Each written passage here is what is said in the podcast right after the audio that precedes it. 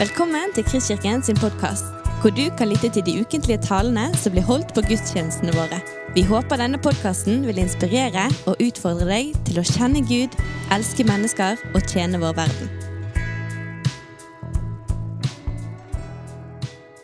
All right. Altså, denne gudstjenesten her Jeg føler Gud bare liner opp, for det, er, det går så i tråd, alt sammen. Jeg tror Gud har lyst til å bare komme med sin helbredelse til oss i dag. At han vil eh, helbrede oss på dypet. Jeg tror det blir veldig fint. Så jeg skal begynne med å be en bønn. Jesus, jeg har lyst til å takke deg for at du er så god. Takk at du er så kjærlig. Takk at du er her. Jeg ber om at du kommer med din salve, din helbredende salve, i Jesu navn. Amen. Altså, i dag er det jo palmesøndag. Og ja, nå, jeg har jo en trykkert. Der, vet du. Ser du den fine gule påskefargen? I dag er det palmesøndag. Og da minnes vi at Jesus red inn i Jerusalem på et esel. Og Ifølge Johannes-evangeliet så møtte de da Jesus med palmegreiner. Men i dag skal vi heller lese Matteus sin bevitnelse av denne hendelsen. Så Vi leser Matteus 21, 1-11.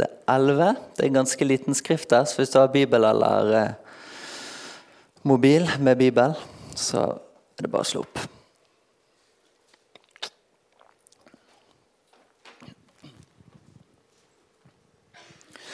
Da de nærmet seg Jerusalem og kom til Betfage ved Oljeberget, sendte Jesus to disipler av sted og sa til dem.: Gå inn i landsbyen som ligger foran dere. Der skal dere straks finne et esel som står bundet og har en fole hos seg. Løs dem og lei dem hit til meg. Og om noen kommer med spørsmål, skal dere svare, Herren har bruk for dem. Da skal han straks sende dem med dere. Dette skjedde for at det ordet skulle oppfylles som er talt gjennom profeten. Si til dette sier han, se, din konge kommer til deg. Ydmyk er han, og rir på et esel og på trekkdyrets fole. Disiplene gikk av sted og gjorde som Jesus hadde sagt, og hentet eselet og folen. Så la de kappene sine på dem, og han satte seg opp. Mange i folkemengden bredte kappene sine utover veien. Andre skar greiner av trærne og strødde på veien. Og mengden som gikk foran, og de som fulgte etter, ropte Hosianna, Davids sønn. Velsignet er Han som kommer i Herrens navn. Hosianna i det høyeste. Da han dro inn i Jerusalem, ble det uro i hele byen, og de spurte, Hvem er dette? Og mengden svarte, det er profeten Jesus fra Nasaret i Galilea.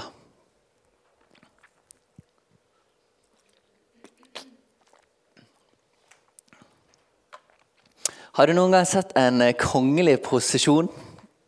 Noen har kanskje vært eh, personlig vitne, eller så har du kanskje sett på TV. Hvor eh, kongelige kjører gjennom byen i svarte, nyvaska, nypolerte biler og vinker mens folkemengdene står på siden og jubler idet de får et glimt av de kongelige. Jeg leste på tv2.no. Jeg er ikke kjempe inne i det kongelige, altså. men jeg leste at når eh, prins Charles skal krone som konge over det britiske samveldet i mai, så skal det være en tredagers feiring med prosesjoner, konserter, lyd og lysshow. Og I dagens tekst så leser vi òg om en kongelig prosesjon. Og På den ene siden så var dette en nøye planlagt prosesjon. Han var profetert over for flere hundre år før den skjedde. Og på den andre siden så bar, likevel prosesjonsveien preg av å være improvisert. Folk kom og la ned greinene og kappene sine ned foran Jesus. Og prosesjonen er altså på, ikke på langt nær så spektakulær som prins Charles kommer til å være. Denne teksten er en sånn type tekst hvor jeg bare skjønner at her er det bakgrunnskunnskaper jeg trenger for å forstå dybden i teksten. Så jeg bestilte en kommentarbok. Og fikk den satt til Thomas. Så det er veldig bra. Og da skjønte jeg litt mer. Altså, Det mest innlysende er jo hva er greien med eselet? Altså, Vi sang jo nettopp 'Se, vi går opp til Jerusalem'. Jesus har allerede gått kjempelangt, og nå skal han plutselig ri. Tekstenheten før denne teksten der står det at da de dro ut av Jeriko. Så de har altså gått fra Jeriko. Jeg har ikke vært i Israel, og igjen så er ikke så god på geografi heller. Men denne her har eh, et kart. Så jeg sjekket ut kartet baki, tok et bilde av det. Så her kommer det opp. Her ser dere Jeriko og Betfage, hvor de er. Ser dere det? Det er veldig nærme Jerusalem der. Og så er Jerusalem der. Så her har de gått fra Jeriko opp til Betfage og skal inn i Jerusalem. Hvis jeg skulle ridd, så hadde jeg valgt Jeriko, Betfage og ikke Betfage, Jerusalem. Det må jeg bare si. Så det kan ikke Og faktisk, sånn fun fact som jeg da lærte, var at eh, Betfage var den ytterste grensen man måtte være innenfor når jødiske menn tre ganger i året skulle til Jerusalem for å feire høytid. Så nå er det jo egentlig snart med målets ende, så det kan ikke ha vært praktiske hensyn. Um, Matteus evangeliet gir oss et sånt refleksjonsnotat som forklarer noe av greien med eselridningen. I Det gamle testamentet så er det mange løfter og profetier om at det skulle komme en konge. Han skulle være hersker, herreveldet skulle være stort, freden skulle være uten ende, og det skulle være en god konge som regjerte med rettferdighet. Og For å oppfylle en av disse profetiene var det Jesus ville ri i kongsposisjon på et esel. Vi leser i vers 4 og 5.: Si til datter Sion. Se, din konge kommer til deg. Ydmyk er han og rir på et esel og på trekkdyrets fole. Så dette var sagt om denne kommende kongen, Messias, og for å oppfylle den profetien var det Jesus ridde på dette eselet. Og at han kommer på et esel, det er også med å underbygge Jesu fredelige hensikter. For på Bibels tid så var eh, hesten var først og fremst et krigsdyr. Så hvis du går tilbake i den profetien som det refereres der i Zakaria, så står det litt etterpå at hesten skal utryddes. Så her kommer altså fredsfyrsten ridende i kongsposisjon på et esel. Og denne kommende kongen skulle òg være etterkommer til den store kong David. Og det er tatt med i hyllingsropet. Hosianna, Davids sønn. Hosianna er hebraisk og betyr 'utfri' eller 'frels', er ber.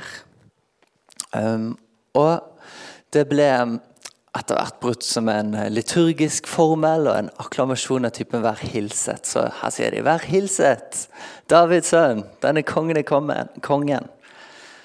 Vær hilset i det høyeste. Jesus var den kommende kongen av Davids ett. Den utvalgte. Kongen som skulle frelse og bringe fred. Og når Jesus, den store kongen, kommer inn i Jerusalem det som ble kalt den store kongens by, så rir han på et esel. Og beskrivelsen evangelisten tar med, er at han er ydmyk. Jeg blir helt rørt. I Zakaria, hvis dere går og ser det, så står det flere ting om han. Da står det òg at han er rettferdig og rik på seier. Men det han tar med, det er at han er ydmyk.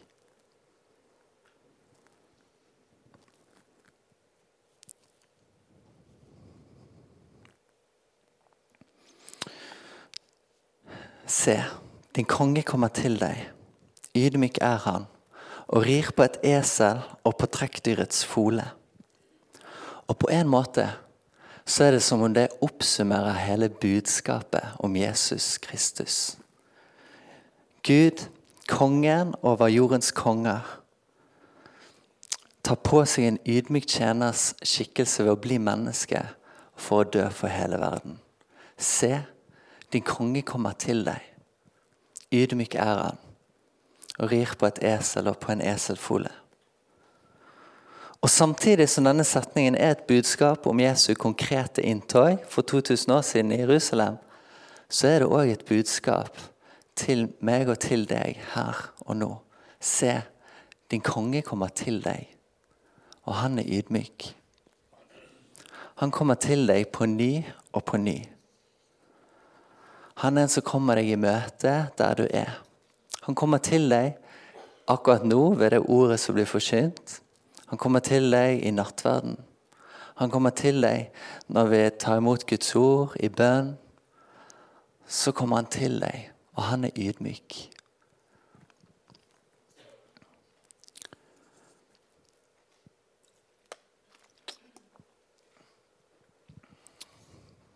Under forberedelsen så spurte jeg Gud hva betyr det å være ydmyk.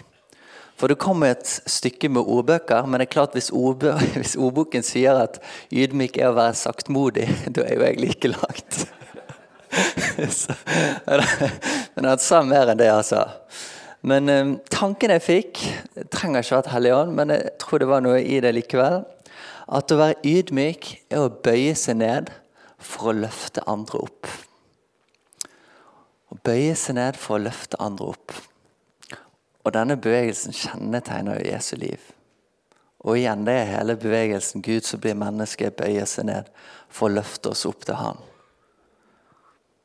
Så vi skulle få del i guddommelig natur.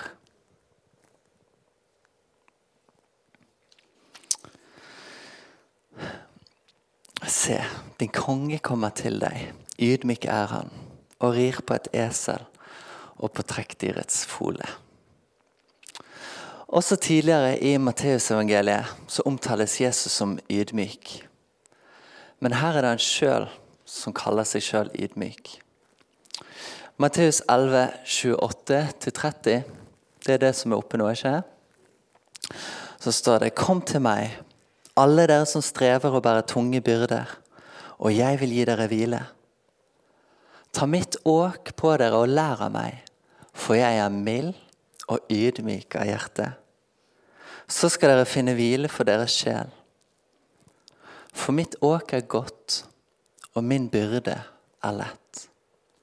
Lær av meg, for jeg er mild og ydmyk av hjerte, sier Jesus. Jeg er mild og ydmyk av hjerte. Her står mildhet og ydmykhet sammen som ordpar. Og Hvis vi nå skal vende oss til den ordboken igjen, da, så kan det greske ordet òg oversettes. Samme som oversettes ydmyk, kan oversettes mild eller hensynsfull. Jesus er en mild Gud. Tenk at vi har med en mild Gud å gjøre. Så det betyr så mye for meg. Jeg blir bare så glad av det. Av å tenke på det så kjenner jeg at jeg kan senke skuldrene.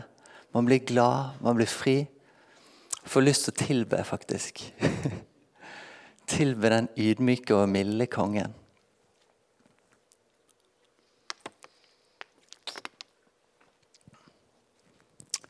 Ah, det er deilig. Sykt digg. Vi har med mild Gud å gjøre. Jeg vet ikke om du har møtt en mild person. Jeg hadde en, en bestefar som het Asle Reigstad, som var mannen til bestemor Haldis. Sånn som jeg kjente han, så var han ydmyk og mild av hjerte. Og Jeg husker at den mildheten bare strålte gjennom øynene hans. Jeg husker Etter han var død, så husker jeg det var en gang jeg tenkte på han, så tenkte jeg Hadde jeg sett inn i hans øyne, så hadde det ikke vært fordømmelse. For det var ikke fordømmelse i de øynene. Jesus, nei, bestefar Asle hadde levd med Jesus lenge, så han hadde nok catcha noe av det. Og bar på noe av det hjertet til Jesus. Men det milde og ydmyke hjertet til Jesus er jo bare så mye mer. I de øynene er det aldri fordømmelse. I de øynene er det ikke strenghet, enn det er mildhet.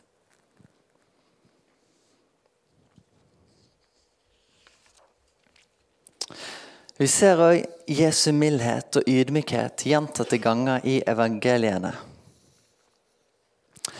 En gang på torsdag om fire dager så var Jesus sammen med disiplene sine med å feire et påskemåltid. Og Igjen så ser vi Jesu ydmykhet. Idet han tar på seg et linklede. Han bøyer seg ned, og så vasker han disiplene sine føtter. Han som med rette var deres herre og mester, så seg ikke for stor til å bøye seg ned og tjene dem. Vi ser Jesu ydmykhet um, når han sier i Johannes evangeliet Ære fra mennesket vil jeg ikke ha. Vi møter Jesu ydmykhet når han uskyldig lar seg bli korsfestet og henger sammen med en røver på hver side og så går folk forbi og spotter han og sier Hvis du er den du sier du er, frels deg sjøl. Og han svarte ikke med et ord. Han svarte ikke med et ord. Han er så mild og ydmyk. Han sa en gang at Tror du ikke at hvis jeg ville bli fri nå så kunne jeg bedt min far, og han ville bare sendt en herskare med engler. Men han ville det ikke. Han er så mild og ydmyk. Vi ser Jesu ydmykhet og mildhet i hans kraftgjerninger. I møte med to blinde rett før den tekstenetten vi leste nå, to blinde som roper på han. Um, Davids sønn, ha barmhjertighet med oss. Så i stedet for å gå og bare helbrede for det som var det åpenbare problemet, så går han bort til dem, viser dem verdighet og respekt og spør hva vil dere at jeg skal gjøre for dere? Han tok seg ikke til rette.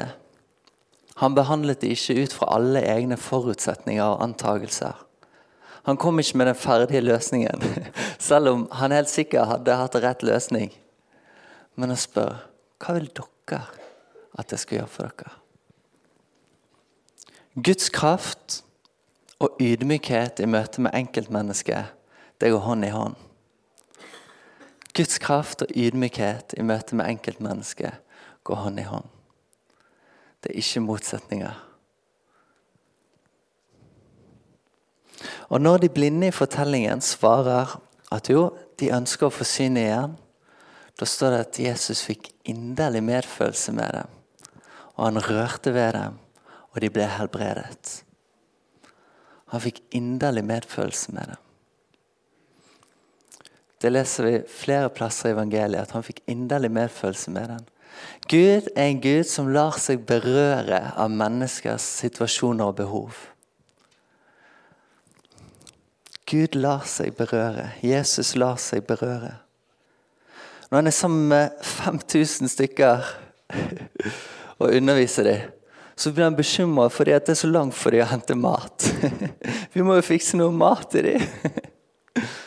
Han lar seg berøre av deres behov.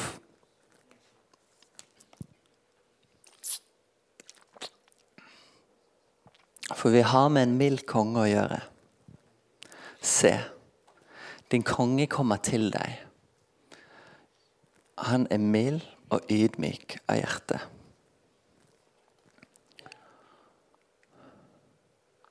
Ja, det var ikke den som skal være akkurat nå. Jo, det var den. Ja, den kan vi bare ta vekk. Takk. Vi ser òg Jesu mildhet når han møter en kvinne som er tatt i utroskap. Her kommer såkalte fromme menn med god kunnskap om hva loven sier. Nemlig at hun skal ha dødsstraff. Og Så kommer de framfor Jesus og så sier de, 'Jesus, loven sier sånn og sånn. Loven sier at hun skal steines. Men hva sier du?' Hva sier du? Her er det en kvinne som har gjort noe fryktelig dumt. Såret sin ektemann. Hun er supersårbar. Hun er i en livskrise. Og folk vil ta livet av henne. At hun får sin straff. Og hva gjør Jesus? Han reagerer ikke med stor ståhei og drama, men han bøyer seg ned og begynner å tegne på jorden. Hva er det, liksom? Og ikke før Ikke før de spør han igjen, så svarer han.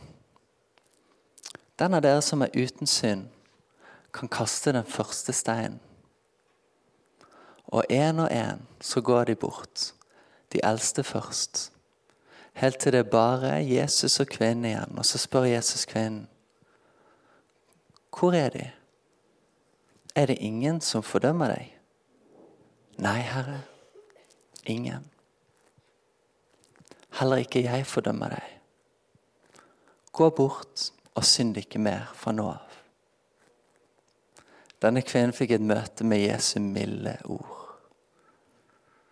Heller ikke jeg fordømmer deg.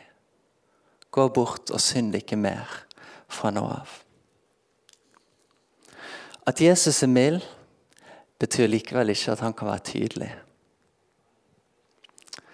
Altså, Ingen er så tydelig som Jesus. Det kan noen ganger være vanskelig å, å ta imot. Og det Jesus sa til kvinnen, var både mildt og tydelig på samme tid. Heller ikke jeg fordømmer deg. I Jesu mildhet. Gå bort og synd ikke mer. I Jesu tydelighet. Og det milde hjertet uten noe fordømmelse, det gjør det så mye lettere å ta imot hans milde budskap. Håvard siterte et vers her i sted, fra ordspråkene 20 et eller annet, om at en mild tunge knuser, knuser bein. Ja, en mild tunge knuser bein. Altså Jesu milde tunge bare skjærer rett gjennom. Og det milde og ydmyke hjertet til Jesus det gjør òg at vi kan tørre å åpne oss for ham. Vi trenger ikke å skjule oss, men kan komme fram til Han med alt vi er, alt vi bærer på. Og selv om det noen ganger kan være smertefullt og utfordrende. Det er trygt å åpne seg for Han. Han er en trygg person å være sårbar med. Kanskje har du merket at det er lettere å slippe innpå seg folk som er milde og ydmyke, enn folk som er stolte og harde. Og Noen ganger så trenger vi å vite at øynene som møter oss, møter oss med mildhet framfor fordømmelse, før vi tør å slippe noen inn. Og Noen ganger så har vi områder i livet som er så betente at vi ikke ønsker at noen skal røre i det.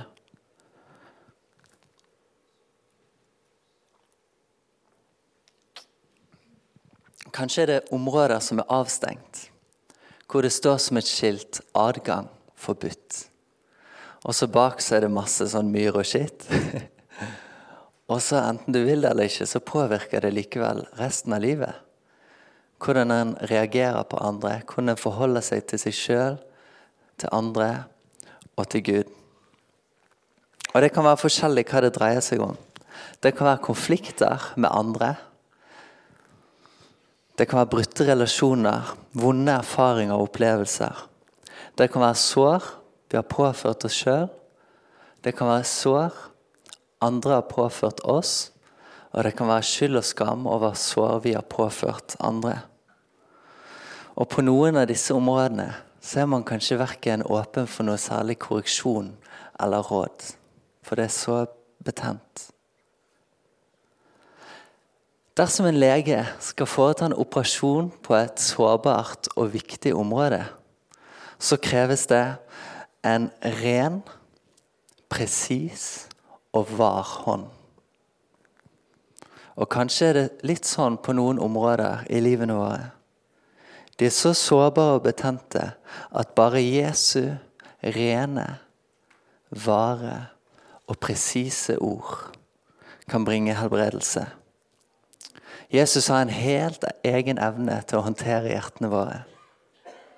Han kjenner oss inn og ut og vet bedre enn du og jeg hva som trengs. Og Dermed kan vi be Jesus om å ta hånd om de områdene. Og Kanskje er det en helbredelse som tar tid, at vi ikke er i stand til å ta tak i alt på en gang. Men at Jesus litt etter litt, med sin mildhet og varhet, påpeker og helbreder bit for bit. Jesu holdning er mild og nådig. Hans ord er rent og presist, og det han sier, er frigjørende. Jesu holdning er mild og nådig. Hans ord er rent og presist, og det han sier, er frigjørende. Dermed kan han som en god lege foreta operasjon på oss og forbinde og lege sår. Han er den gode hyrde som kom for å forbinde og lege sår. Og Jesu mildhet gjør det trygt å slippe han inn. Se, din konge kommer til deg, og han er mild og ydmyk av hjerte. Se, din konge kommer til deg, og han er ydmyk og mild av hjerte. Du har lyttet til en podkast fra Kristkirken i Bergen. Vi håper du har blitt inspirert og utfordret i din vandring med Gud. Vil du vite mer om oss, så klikk deg inn på kristkirken.no.